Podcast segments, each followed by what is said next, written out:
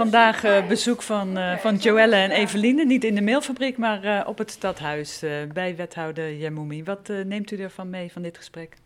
Ja, ik vond het een heel mooi, uh, mooi gesprek. Uh, naar aanleiding van de podcast waar ik uh, te gast was. Dat ik zei van joh, we moeten even verder praten over de, ja, over de punten die jullie meemaken in jullie dagelijkse leven. Nou, vandaag hebben we dat dan gedaan. Ja, ik, ik, moet zeggen, ik ben heel erg onder de indruk van hun doorzettingsvermogen vooral. Als je ziet waar ze tegenaan lopen, op hun werk, op straat, in de samenleving. Ja, het geeft mij iedere keer weer heel veel nieuwe inzichten waar wij nou, onder andere vanuit het programma Leiden Inclusief mee aan de slag gaan. Maar waar ik zelf persoonlijk ook eh, heel veel van leer. En wat is nou specifiek van u zegt, nou daar gaan we echt iets, uh, iets anders mee doen? Uh, ik denk het besef, uh, binnen het programma Leiden Inclusief hebben we verschillende programmalijnen, maar ik denk dat we specifiek op mensen inderdaad met een verstandelijke beperking nog niet iets specifieks voor hadden georganiseerd. Dus we gaan dit even mee terugnemen. Kunnen wij misschien voor hen ook op een andere manier, ja, ook, ook de samenleving in Leiden beter maken?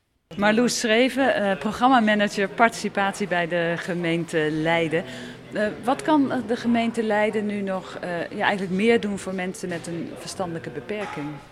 Ja, wat ik vooral uit het gesprek met de twee dames heb meegenomen is toch wel dat ehm, ja, hoe je deelneemt aan de maatschappij en hoe je, nou ja, Evelien vertelde dat ze nog vaak wordt nagekeken, dat mensen rare dingen tegen haar zeggen ja, dat is wel iets wat me heel erg heeft geraakt. Dat ik denk van ja, daar moeten we als programma Leiden Inclusief ook wel iets mee. Want dat wil je niet. Je wil niet dat uh, mensen met een beperking worden nagestaard of worden aangekeken. Maar wat we daar precies nog mee kunnen doen, ja, daar is wel iets. Ja, daar moeten we echt over nadenken. En over ook met hen over praten.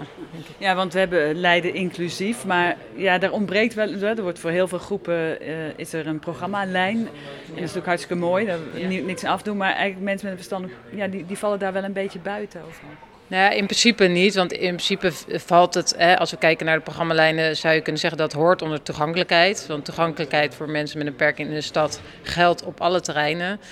Alleen ja, we moeten we keuzes maken uh, met de ja, middelen die we hebben, dus de uren en het geld. En uh, ja, die zitten nu wel iets meer op de fysieke toegankelijkheid. Ja, in het gesprek kwam ook naar, uh, naar voren dat jullie iets hadden van ja, we willen ook wel met jullie direct in gesprek als wij iets nieuws bedenken hier op het stadhuis, als ik het zo mag zeggen, Marloes. Ja, dat klopt. Dat is eigenlijk ook wel iets wat in ons programma een heel belangrijk uh, thema is, is inzet van ervaringsdeskundigheid. Dat doen we op uh, thema's als racisme, LHBTI-discriminatie.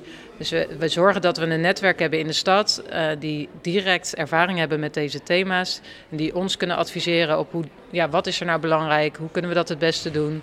En dat geldt denk ik ook voor uh, mensen met een verstandelijke beperking of een andere beperking.